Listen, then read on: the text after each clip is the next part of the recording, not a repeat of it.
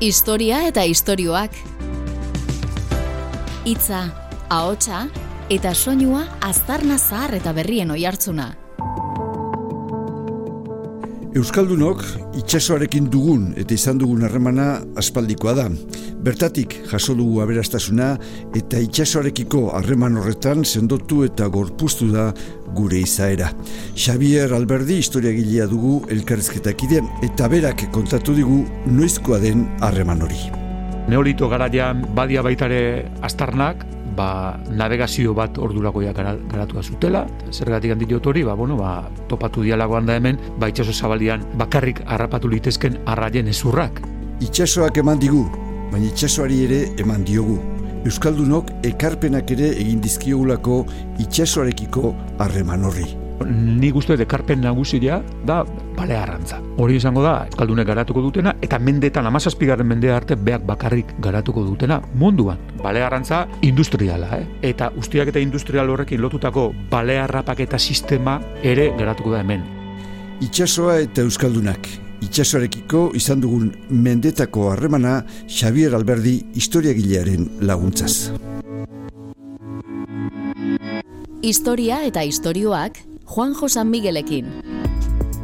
Historia, nazioartea eta giza iragana ahots hautatuen eskutik.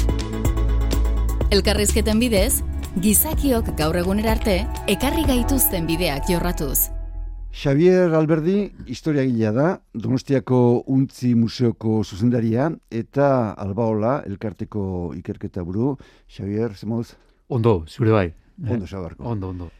Euskal Herriak, batez ere Gipuzkoa Bizkaiak eta Lapurdik, horako itxasoarekiko harreman estua izan dut mendeetan. E, noiztik hasten da harreman hori? Jarri daiteke momenturen bat, historian uneren bat? Hombre, egia, e, historia aurrian bertan, e, ba, badaude zeak, ez? Aztarnak, ba, lehizazu lotuan, eta bartopatu dianak, ba, ba, bueno, gara hartan da honeko, ba, ba, nola, bertan hemen bizizianak, ba, pasuten itxasuakin harreman bat, bainepin, bertatik gan, e, elikadurarako baliabideak eskuratzen zituzten.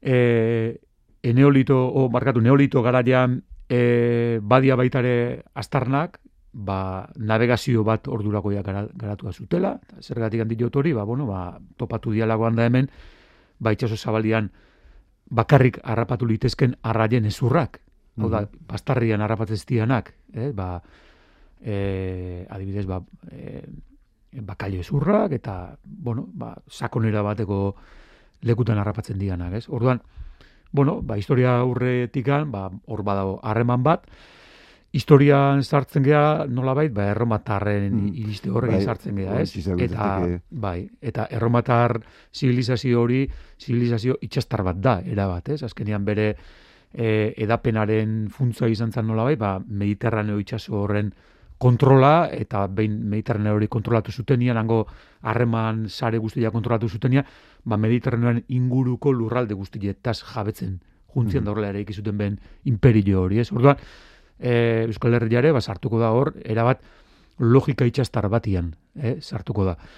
Eta hor hasiko dira, ba, ba aurreneko e, bueno, ez da, aurreneko populak eta guniak lehenotik gane basialako, baina bai, ezagoen duke, ba, gaur egunera arte iritsi segun logika batian e, sortutako ba, ba, aurreneko e, populazio guniak, ba, bide bastarretan sortutakoak, mm. portutan sortutakoak, mm. hau da, gure garaitaraino iritsitan logika hori orduan hasiko da. Bai, e, hortaz aritzen dienak, esate dute, gu erromatarra gaela, ez da? Osea, gara hartatik, eta zalantzai gabe, erromatarrak, e, bueno, gure kulturaren, eta, baina, ontzi gintzen, ze ekarpen egin zuten eh, erromatarrek Euskal Herrian? Bai, eh, egia esan da ez, dugu asko ezagutzen, oso gutxi ezagutzen dugu, ez? Erromatarrek bazuten eh, ontzigintza oso garatu bat, ez dakiguna da, erromatarrak etortzeako aurretikan zenbatainoko garapena zeukan hemen ontzigintzak, ez dakigu. Mm. Egia esan da, guen ez dugu e, astarnak topatu, eta egia da, gara hartako iturriak erromatarrek e, aipatzen dituzten datuak, ba, ba neko kontra jarriago, kontra esanak dituzte, ez, ba, bertako e, ontzigintza e, aipatzen dutenian. Orduan egia esan da, ez dakigu asko e, haien aurretikan nolako e, bueno, ontzileak eta ze, ze gara pentze honez, ez dakigu. E, erromatarrak noski ekarreko dute, mediterraneo giroko e, ontzikintza hori ekarreko dute, baina Ka, askotan erromatar garaia zitze iteunean emateu, ba, hori, hogei urteko kontu bat dala, baina bosteun urteko... Mendea dira, bai, bai. Bosteun urte e, egongo da Euskal Herria er, imperio horren barruan, ez? Orduan, bosteun urte urte asko dira. Eta bosteun urtean aldaketa asko, eta erain asko, eta gora bera asko izango dira. Eta, eta erainak, bai, mediterranotik zen bezala, iparaldetik ere etorriko dira. Ze azkenian... Inoiz eipatu, bikingoen eragina ere eipatu, ez tekit horre... Bai, hori beranduago da, baina... Hori, hori aso, asko maksimizatu zen, ba, nahi bali maizu, goi garren mendean zehar, ez? Eta nik uste baitare hor, gare batian base nola baiteko, supremazismo yeah, eh, anglosajon, germaniko, bai, bai. bueno, danok dakigu supremazismo bai, bai, bai, bai, ze sortu mm. zitu nugu egarren mendian, eta testu inguru horretan, ba, egia da, ba, askotan, ba, basirudin, dena bikingoek e, sortu azala, e, baina ikusten dugu, ba, bikingoak e, ben lurraldetik itxasoetara, itxasoetan barranaz edatu aurretikan, ba, adibidez, ben, ezaugarri bezala aipatzen dan, ba, trinkaduzko ontzi horiek, e, tingladillo gaztelera mm-hmm. esaten dana, ba, ermatar garaian da honeko, eratuak zian. Bai, bai. Eh, e, e, ba, e, imperioaren baitan zeuden Atlantiar kostaldetan. Orduan, e, itxasua harreman bide bat da, eta junetorrikua. Eta orduan, e, bueno, egitea da, ba, gu gaude oso eremu estrategiko batian, Euskal Herria, ez, ba, nola gaudelako, ba, ba, bai egoaldetik datozen eraginak eta bai iparaldetik datozen eraginak ba, bat egingo duten mhm. gune horietako batean gaude, mediterraneo munduti datozenak, nahi bali maizu iparaldetik datozenak, eta ez ditugu astu bihar, bertan egongo zian tradizioak, eta lehen esan dut emezela, ba ez ditugunak mhm. asko edo hilia bat ezagutzen. Mhm. Bai. Horre, bueno, e, nik uste datu zehatzak eta biskat egiaztatzeko modukoak amaika amabigarren mendetik aurrera baitugu. Hor badago utxune handi bat, e, historia beste arlo batzutan azaltzen dana, ez dakit, e, dut ontzintzen izango, ala, imperio erromatarra erori noa izateko, eta ia, ba hori ez, e, erdiaroak aurrera egin arte, hor zeo zer bakigu edo antzera? Bai, ez, azkeneko urtetan, e, batez ere, e, informazio berria sortzen ari da arkeologia.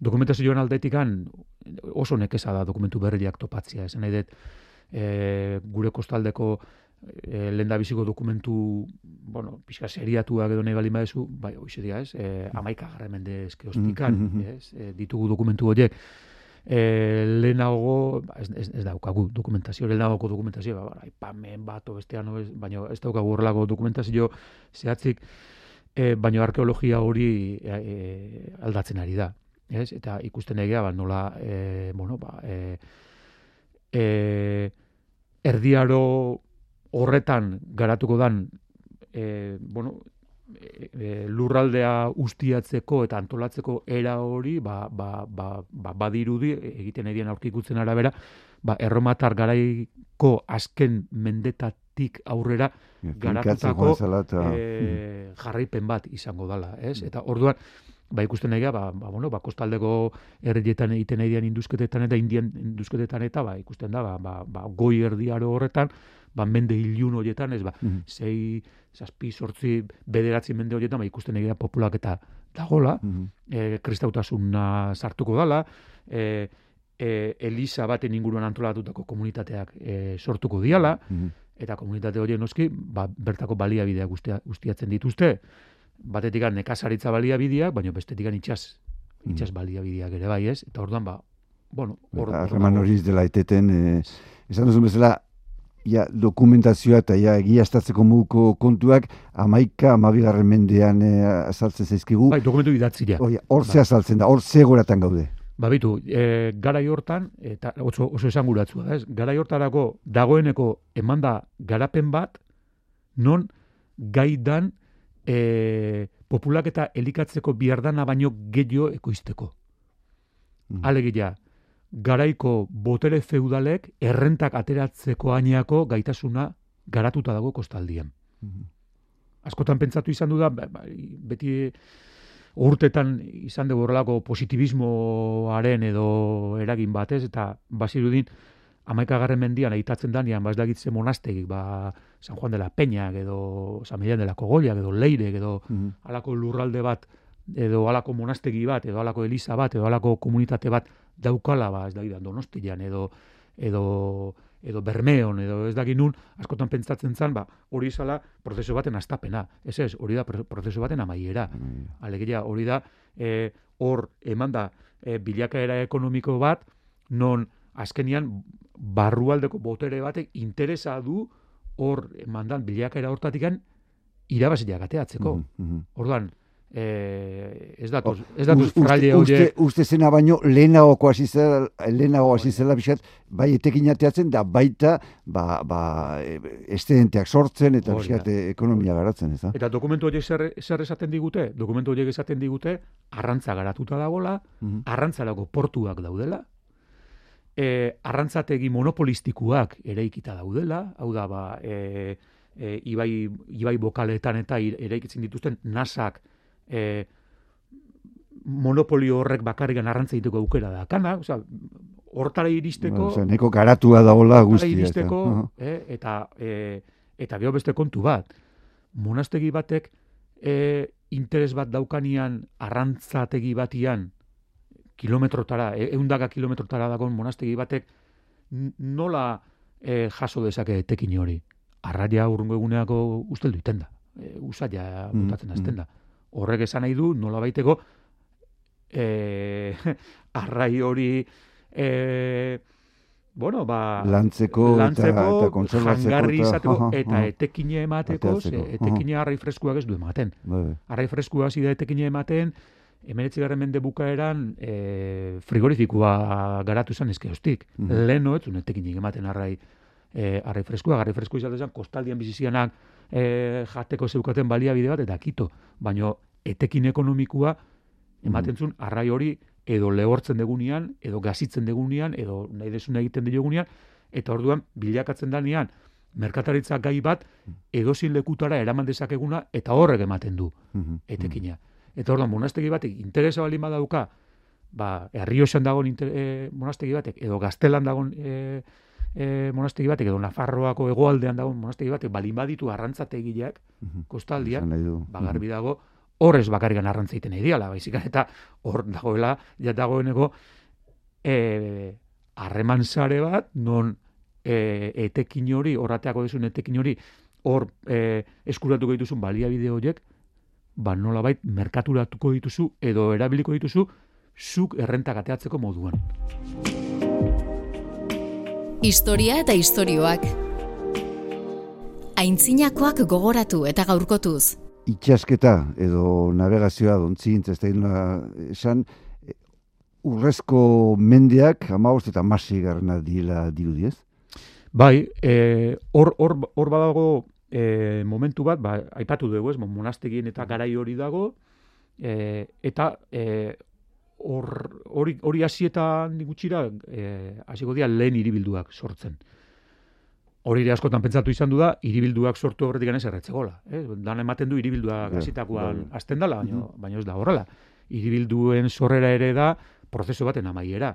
Hau da, garapen ekonomiko, sozial, e, e, garrantzitzu baten amaiera, non komunitate bat badago gaitasuna dakana erregearen gana juteko eta eskubide gutun bat lortzeko. Mm eta horretarako, e, bueno, ba, berda gaitasun ekonomiko bat, berda gaitasun sozial bat, jakintza bat, e, eta bar, ez? Orduan, bueno, ba, iribildu horiek, ba, hortxe, aurrenekua hemen, e, aurren aurrenekuak izango dira, baiona, donostia, e, hortxe, amabi garren mende, e, bukaera alde hortan sortuko dira, eta gero, amairu amalau garren mendian, ba, gainuntzeko, gainuntzeko iribildu guztiak sortuko dira, eta, bueno, iribildu horiek nola bait dira, merkatu baten babes gune bat, merkatu horiek ez ditezela, ba, jauntxo baten e, nahi erara antolatu, edo harren, harren gehiagik eriren e, baitare dia, nola baiteko, babes juridiko bat ematen dutenak, ba, hor lanian dabiltzaten, eh? Hau da, arrantza nahi dianei, merkataritza nahi dianei, hor da,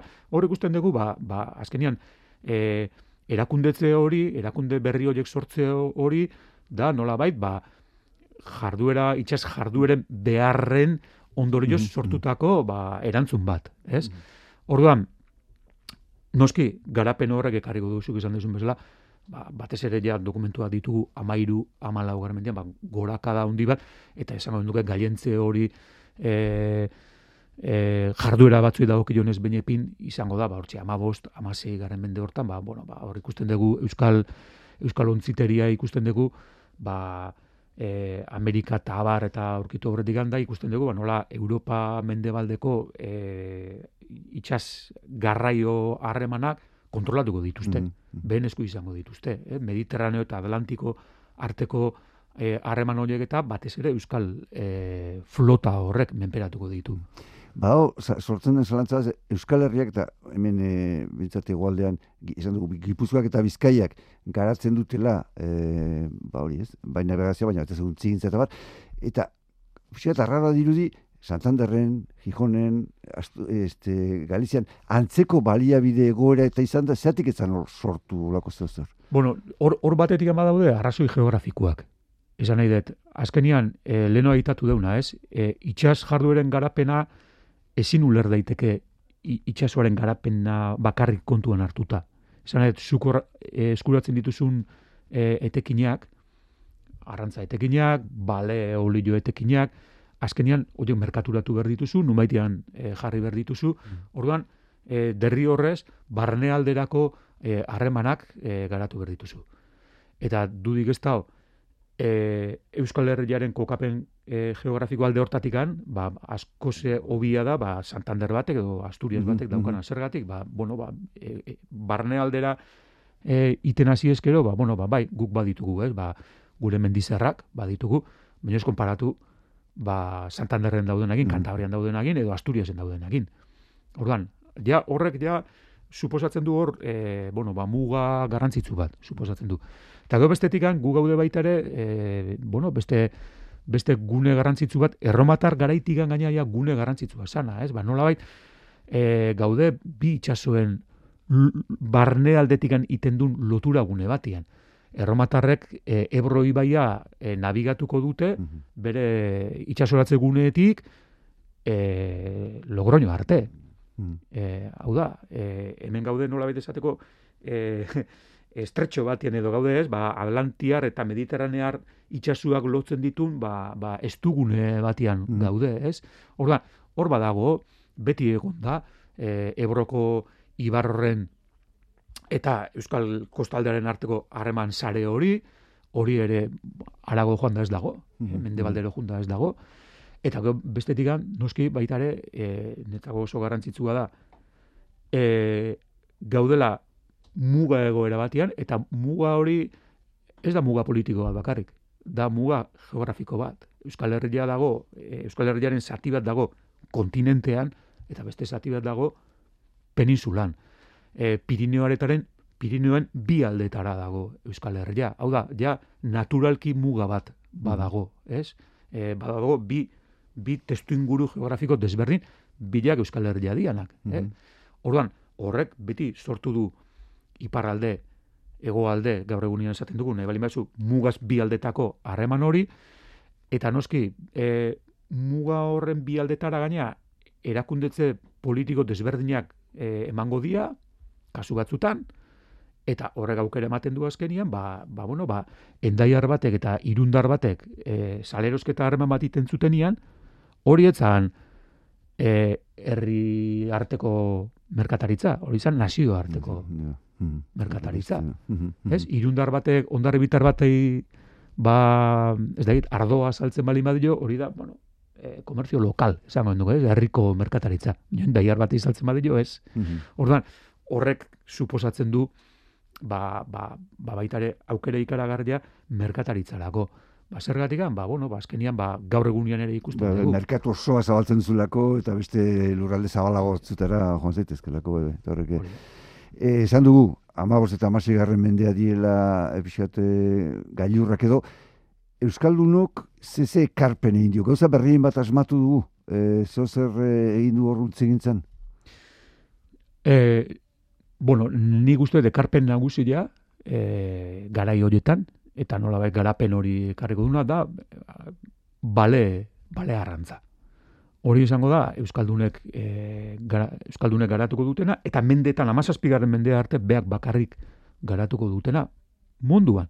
Mm bale arrantza industriala, eh? E, bueno, badaude beste beste bale arrantza batzuek, ba, bai Ameriketan, bai Asian, bai Europa iparraldean, ba, bueno, egiten zutela, nola bai, ba, komunitaten jangarri eskuragarri moduan, ez? Mm -hmm. Ba, bueno, ba, janari, janari ja eskuratzeko, ba, bueno, ba, bale bat harrapatzen zuten, eta, bueno, horrega alagi pile bat nola dakan, ba, mhm. ba, primeran. E, e, ustiak eta industriala e, garatuko da hemen. Eta ustiak eta industrial horrekin lotutako bale harrapaketa sistema ere garatuko da hemen. Hau da, arpoiak, e, geho balea hiltzeko lantzak, e, bale txalupa. Mm Bale txalupa, jode, lehenu aitatu dugu, ez? Ba, iparaldeko eta hegoaldeko harremana, ba, bueno, balin badago e, ontziren bat, e, bi harreman horiek bat egiten dutena ontzi batian, hoxin da, bale, bale txalupa, ez? Ba, beko ontzilaren azpialdiko e, zatila da mediterraneoar jatorriko eran eraikita eta goikaldia da, bueno, ustez, iparaldetik handatorren trinkaduzko eran mm -hmm. e, eraikila, orduan oso kuriosu da ez, ontzi hori, hori garatuko da hemen, e, eta geho baita ere, leheno esan deun, harreman bateko eta besteko erainien e, ondorio hortan, ba, bueno, ba, garatuko dira, e, erdiara lo eskerostigane, ba, garatuko dira, ontzi oso berezileak, e, Euskal Herrian oso aproposak merkataritzarako, eta gero ozeanoetan zehar e, nabigatzeko. Ez ordua, e, bai, batetik ontzi gintza, mm -hmm. baina bestetik beste itxas jardueren artean, e, bueno, ba, ba, bale, bale arrantza hori, ba, jo, ba, izango gala oso oso garantzitzua. Beste atal bat, batez ere, e, bueno, e, Espainiko ontzigintza merkata izan da, ba, erdia lortan, e, Euskaldunek, Euskaldunok, edo, garaiko Euskaldunek protagonismo handia izan zuten, baina bereziki aipatzen da, Amerikara iritsi zirenetik, bai marinelek eta bai ontziek, hemen egindakoek, baut ez da, protagonismo berezia. Ikara ja. E, kau, segertatuko da, hor, e, testu inguru hortan, hau da, leheno aitatu duen, galientze testu inguru hortan, ez, ba, ba Euskal e, garraio flota hori, ba, bueno, ba, nagusi, nagusi da, e, eta testu inguru hortan, ba, bueno, ba, Amerikaren aurkikuntza e, gertatuko da, eta Ameriketako, bueno, lurraldez jabetzeko eta bertako, bueno, ba, baliabideak ustiatzeko, ba, bihar biharzko di etxasontziak. Mm Eta zeinek ere egiten dituzte etxasontziak, eta zein di etxasontzi jabiak, ba, gehien bat euskaldunak. Orduan, bueno, ba, bete betian sartuko dira logika, logika horretan. Eta ala da, amasei, amazazpigaren mendean zehar, e, Euskal e, ontzigintza izangoa batez ere, e, ba, bueno, ba, koroak, edo ez koroak bakarrekan, baita ere esan mundu merkatari itzak, e, Amerika eta Europa arteko e, harreman horretan ditun beharrak azetuko ditun flota. Ze, azkenian, esan bezala, monopolioa, e, merkataritza monopolioa esarreko dute Sevillan, amasi garmende hasiera eskiostik, orduan, harreman legalak, esango genduke, Sevillati bakarrikan egin litezke. Eta hor, baliatuko dituzten ontzilen, e, batzu egitatzen dut deune golaro gehi, e, Euskal Jatorrikoak dia. Mendo zehar, amasi, amazazpi. Orduan, bueno, e, bueno, bete-beteko e, garrantzia dauka, ez? Euskal presentzio horrek, ba, mm -hmm. ba guztiak eta horretan. Eta noski Euskal Herriari dago jonez, barnera begira, bueno, horrek ekarriko du irabazi ikara garraia, horrek ekarriko du ba, bueno, ba, bertan dagoeneko, e, bueno, martxan zeuden, ba, burdinolak, bale arrantzak, horrek ekarriko du ikaragarrizko goraka da, ba, bueno, ba, ba, ba, dedikan, ba, burni horrek merkatu berriak izango ditulako. Ontziek, ze garrantzi izan duten Euskal Herriko sorrera ez, baina bai, e, industriaren, meagintzaren da garapen hortan, ez da merkatuko merkataritzarako, ez? Funtzezkoa. Ze, azkenian, gara hartan gaina, e, lurreko garraio saria oso oso eskasa zanean. Esan nahi dut, hemen sortzi garen mende erdi arte, hemen ez dugu izango gurdiz e, bidea atu alizateko biderik. Mm -hmm. eraikiko dira, hemen sortzi mende erdi aurrera. Ordura arte, hemen gure gure bazterretako bidiak zian, manda bidiak. E, orduan, bueno, ba, pentsatu zaun, tonelada bat burni, ba, ez dakit, ba, ataundik donostira ekartzia, ze suposatzezun. Mhm. E, zenbat mando, zenbat juneto horri, eta itxasontzo batian kargatzen dituzu berreun tona burni, eta ematen dituzu, pom, Ameriketara. Osea, Mm. ikaragarria da. Ez, ba, ba, ez dakit, ba, nola bait gaur egunean izango genduke, ba, egazkinaren eta bizikletaren arteko Bai, bai, bai, desberdintasunaren antzeko, ez? Esan Mm. bai, bizikletan zu gera mandetzakezu, jo, egazkin bat hartzen dezu, eta eramaten dituzu Nueva Yorkea, ba, ba, ez dakit, ba, herri osiako ez dakit ze ardo, bai. Mhm. eramaten dituzu.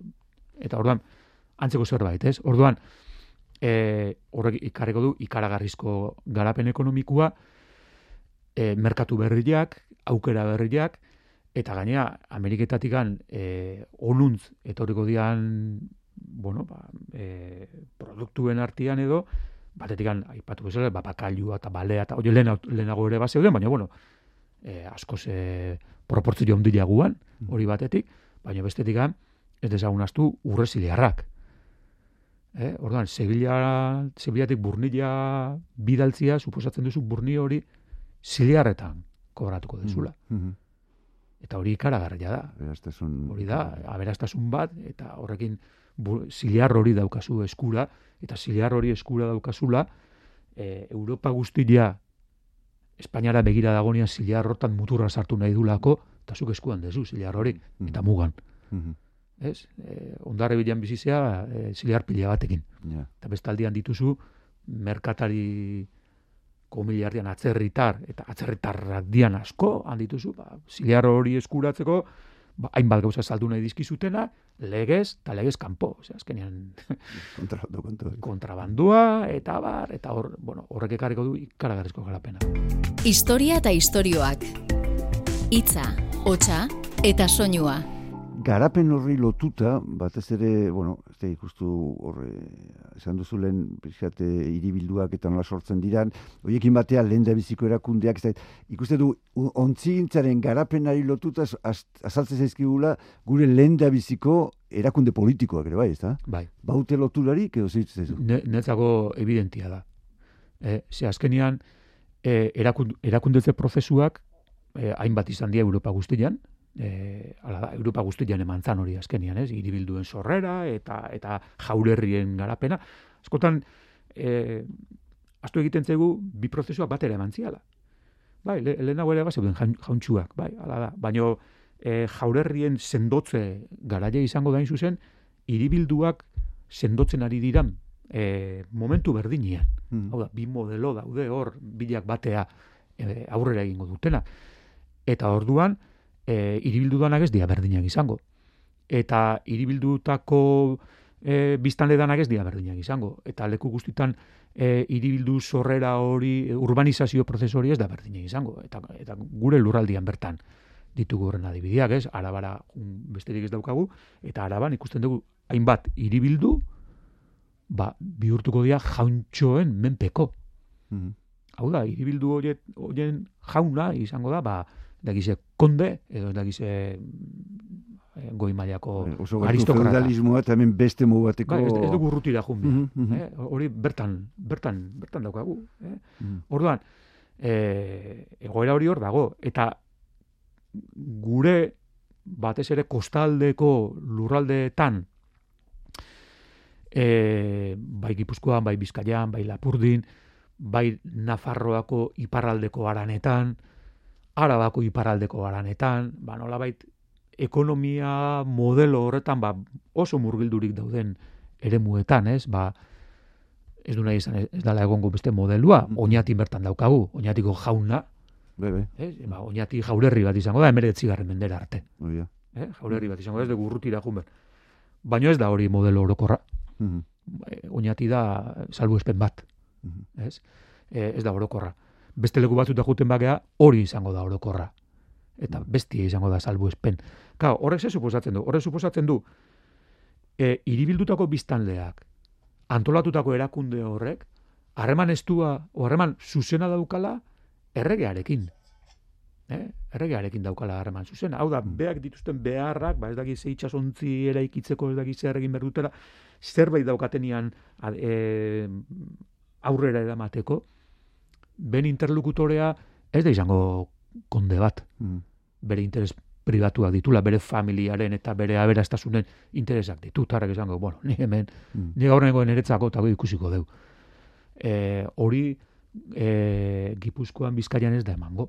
Ja. Hemen, zerbait dutenian, jungo dia hitz egitera, zuzenian errege e, agintarinekin. Eta hitz egingo dute, e, erreinu mailako politika hizkuntzan hitz egingo dute. Mhm. Eta esango dute, barkatu, hemen ez gera hitz egiten nahi jauntxo baten interesez, edo ez da gizaren interesez. Hemen nahi gera hitz egiten, zuk itxasontzia behar dituzu Ameriketara juteko, zuk itxasontzia behar dituzu gerrara juteko, guk ere egitzen ditugu itxasontziak, arazo hobe ditugu, hau eskatzen dizugu, ez dugu nahi hau izatia, nahi dugu aurrela izatia, hau da, negoziak eta hori, tarreak noski, ba, gauza berdina, ba, ni nahi dut zuek hau egitea edo bestea egitea. Baina negoziak eta hori izango da, zuzenean, herri mailako alkate batek, e, erregearen goi mailako. Garapen, garapen ekonomikoa beste beste eman aukera hori, ezta? Erregarekiko zuzeneko harremana izan, eta beste erakunde batzuk e, garatzeko. Hori da.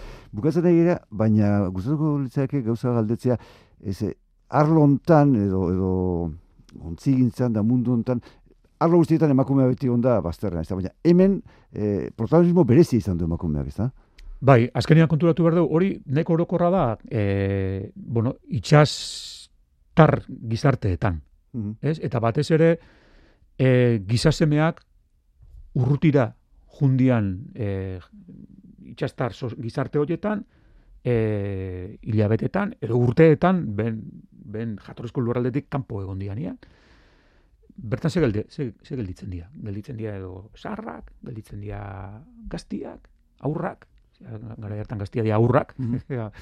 e, amarrutekin itxasua bialtzen dituzte, orduan, bari, aurrak, sarrak, eta esango genduke sasoiko jendia gelditzen da, sasoiko jendia zein da, aberatzak noski, ba, daukatena biharrik e, ternuara juteko, baino egunerokotasunari eusten diotena, eguneroko e, ekonomiari eusten diotena, zagarren usta egiten dutenak, zagardoa ekoizten dutenak, e, e, jangarriak salerosten dituztenak, eta bar, eta bar, eta bar, neurri handi batean emakumeak izango dira. Mhm. Zer gertatzen da? Ba, hori eh, ez da ez da kontuan izan ni uste bi arrazoi gatikan. Bat jatorriz garai hartan ba hori konsideratzen zutelako bigarren mailako kontu bat, emakumeen kontu bat, Mhm. ez? Esan nahi dut garrantzitsua zertzan. Garrantzitsua esan Ameriketara burnila saltzia eta handik zilara ekartzia. E, zagardo gintzait jardutia, edo, beste kontu horietan jardutia, garilla erosi eta gari salerosketan jardutia, hau da, e, e, biziraupenakin zer ikusi duten gauzak, hori dira gauza komunak, normalak, Mhm. goraipamenik behar ez dutenak. Orduan, ja hor badaukagu muga bat, ez? Ba, gara hartako dokumentazioak hori nolabait baztertuko du, gaina emakumeek egiten dute. Ja. Orduan, bueno, ba, ba, bigarren mailako kontu bat da. Baina gero hori batetik dago, baina gero e, historia zientzi bezala azten danian, ba, bueno, historia zientzi horrek gauza batzuek goraipatuko ditu eta beste batzuek bastartuko ditu. Mhm. Eta bastartuko ditunen artean, noski dago emakumeen historia. Mhm. Ze ikasiko dugu? Ikasiko dugu gerra, ikasiko dugu kolonialismoa, Mhm. ikasiko dugu, ez da hori da ikasi dugun eskoletan, Mhm. Ni ez dugu ikasi, bueno, eta gizarte hori nola bizi izan. Nundik gana ateatzen zuten bizi modua. Orduan, emakumeen historia hori, ba, bastartua, bastartua egon da. Mhm. Ba, Xer Alberdi, mila mila esker, azalpen hauengatik eta Zuri. bueno, eh, urrengo arte. Mila esker zuri, izan ondo. Historia eta istorioak Juanjo San Miguelekin. Historia, nazioartea eta giza iragana ahots hautatuen eskutik. Elkarrizketen bidez, gizakiok gaur egunera arte ekarri gaituzten bideak jorratzen